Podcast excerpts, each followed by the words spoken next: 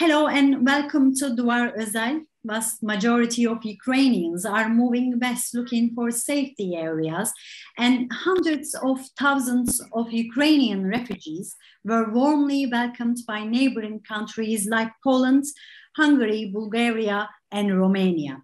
While, of course, the hospitality is appreciated, it is now discussed the severe double standards in the treatment of immigrants and the refugees from the Middle East and the Syria. We will now evaluate the civilian rights and the discrimination discussed of the military operation against Ukraine with anthropologist Marcin Sukupiński from University of Warsaw. Hello, Marcin, and thank you very much for joining us today. Hello, thank you for having me. Thank you, thank you Marcin. Thank you very much. Uh, Marcin, you are an anthropologist and you have also done some field work in Ukraine between 2011 and 2017. So let's start with my first question to understand the situation deeply at the borders. Marcin, uh, Russia's military operation against Ukraine has created 1.5 million refugees in just 10 days. This is really, really huge. Do you think this will lead to um, a refugee crisis in Europe? How will or should Europe handle the Ukrainian refugees? What is your opinion? I would say that the crisis is here already. So, right now uh, in Poland, we have already more than 1 million Ukrainian refugees. And uh, the work is done to accommodate them, to help them best uh, best that we can. But I would say that we are approaching the limits of uh, the capacities of um, of um, civil society. Yeah. And so for, so for now, a lot of I think like one important uh, important thing to, to say about uh, how the refugee crisis was uh, handled so so far in Poland is that it was done mostly by uh, the civil society and mostly by uh, people themselves.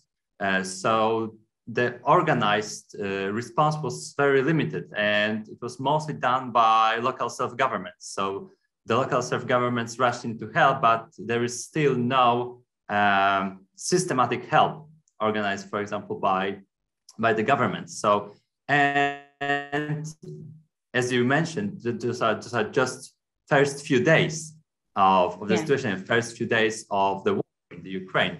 So we can expect that there are going to be even more refugees coming, obviously. And I would also say there that we need definitely more organizations. Although I would also argue that it's not bad that the people are organizing are organized by themselves, but certainly it's going to be it's going to get more and more complicated when the time passes and the needs of the people are going to uh, get bigger because like right now it's mostly like very uh, it's mostly around very basic help. So like food accommodation you know some very some very basic stuff but uh, we have the perspective of uh, around 1 million new citizens living in, in poland. And it's going to be a huge um, challenge for the country that haven't experienced such thing in uh, in history yet. Yeah, and you also said that Poland uh, have already more than one million people so far, and uh, Poland also reached the capacity, and you need more organizations. So let's have a look at the Turkey situation then, because Turkey has been the primary yeah. destination for Syrian refugees. Today, uh, Turkey is a home nearly 4 million Syrian refugees. Turkey also got some financial support in the past to host the Syrian refugees from EU. But however, this policy has been criticized a lot that Turkey has been a buffer zone, buffer state to prevent the migration, uh, to prevent the uh, migration of Syrians uh, to Europe. Do you think there might be a new buffer zone or a country for Europe to prevent the further migration of Ukrainian refugees? I don't know, maybe Poland or uh, Romania um, be a new buffer country? I think it's more complicated in this in this situation because Poland is already European Union country, so there is no really a buffer zone. So in this situation, uh, people from Ukraine that are coming directly into the European Union, and if they get uh, the refugee status in Poland, uh, that means they like have uh, the same status in the other European Union countries. So uh, in this in this situation, I think like definitely Poland will be still the main destination, mm-hmm. definitely, and probably uh, there, there might be some moves to actually keep majority of uh, the Ukrainian refugees in Poland. So, but but there's going to be definitely different situation than uh, with Turkey because like in this in this situation, as I mentioned, they are already uh, passing the like while coming to Poland, uh, the refugees from Ukraine are already passing the European Union border. So it's a bit a bit different situation. There's no really a good buffer country, maybe uh, except Moldavia, but Moldavia also is uh, like not in a very good capacity to host uh, a lot of refugees. And actually, I read today on the news that they uh, already recognize that they have a problem and they actually ask European Union for help uh, with handling their uh, their portion of refugees, even though uh, it's not the primary destination. And they, they, they definitely there are far more people coming to Poland, Slovakia, and uh, and Romania. Okay, so uh, let's have a look at the comparing UK Ukrainian refugee crisis with the Syrian refugee crisis because this is the main discussion now. EU countries have uh, laudably opened their uh, doors to welcome the Ukrainian refugees, but people from Middle East Africa, South Asia, they are also looking for safe places to live in. In Aegean Sea, you know, um, uh, we all know what happens and people suffer the consequences of policies designed to keep them out of the Greek island. So what happened now? I mean, has Europe's response to refugees changed? Can we call it kind of U-turn on um, migrants policy I mean, I'm just trying to ask to, uh, do you think there is a double standard here? Unfortunately, I have to say that there is. There is, and before the war in Ukraine started, uh, we already experienced a uh, serious refugee crisis in Poland on Belarus border, yeah? Yes. And there we had yeah so so there there were like a lot of um, a lot of refugees coming from the middle east as well and they were treated in shockingly different way than what we are experiencing now.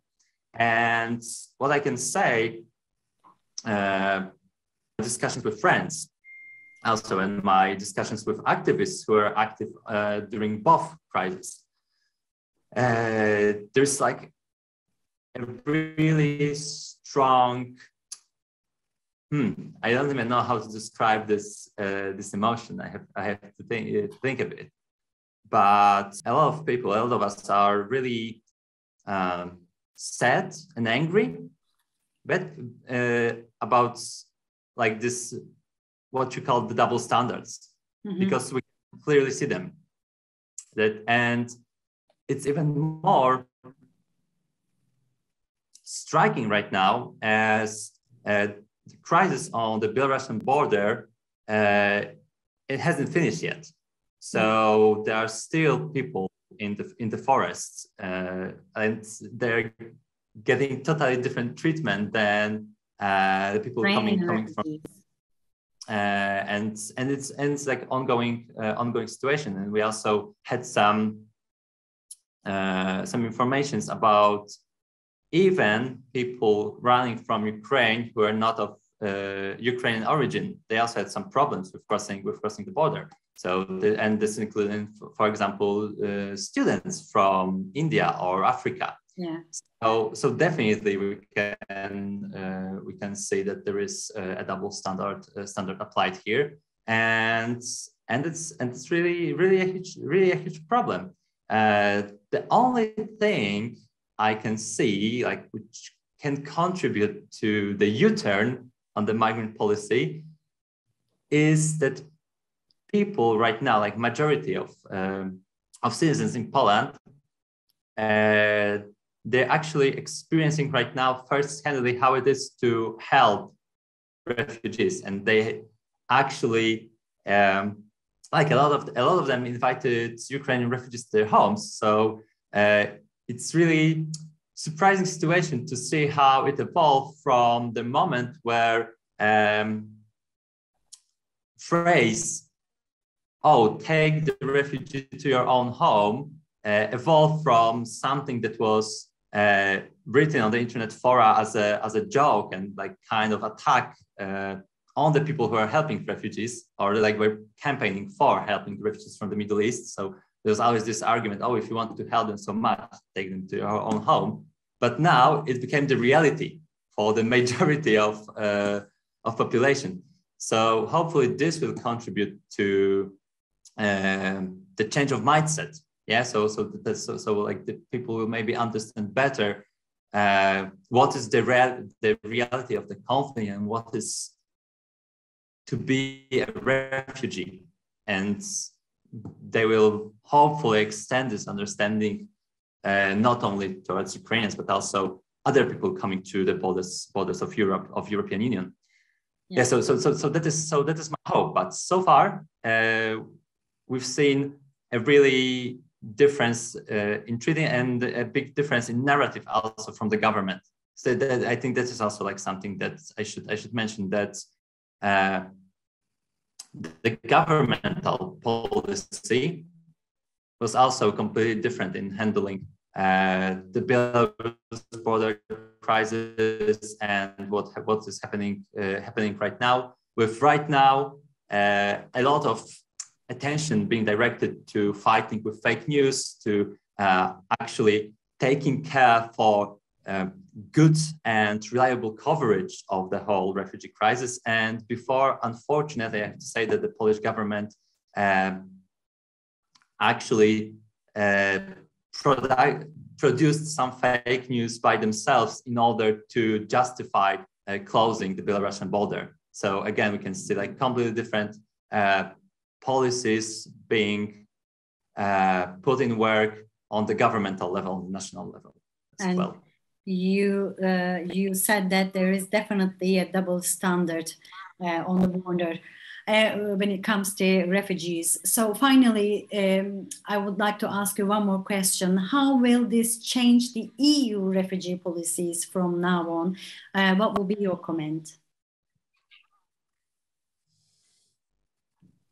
All right, that's probably the most complicated question uh, so far because I am not an I am not an expert on the European policies. Yeah, so it's it's really hard for me to uh, yeah to foresee what might what, what might happen in in future.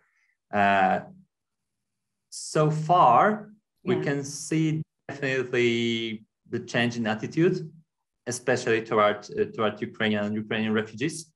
So we can hope for uh, better uh, European policies and hopefully we will see in the future more solidarity because actually when uh, the refugees the refugee crisis started in the Mediterranean there were some um, good ideas created in European mm-hmm. Union about like relocation of, of the refugees, some equal quotas for the countries, and but some countries uh, didn't want to join, like Poland, for example. Yeah. So I hope that this situation we are facing right now will be a bit like a bucket of cold water uh, on the heads of European leaders, especially in the countries like Poland that were previously not so open toward accepting refugees to actually change something and to see that the solidarity uh, can work both ways. So now maybe uh, Western Europe will, will help us with handling the crisis, hopefully. Uh, but hopefully also Eastern European countries will be in future more open uh, to also open their borders for, uh, for the refugees, for example, from Syria and other places in the Middle East. That would be my hope at least. And you said that we can hope a better European policies, European uh, refugee policies in the future. Thank you, Martin, uh, for joining us today on Duvar Özel. We really appreciate your time. As we come to the end of another broadcast, we also thank you, our viewers, for watching us. Bye for now.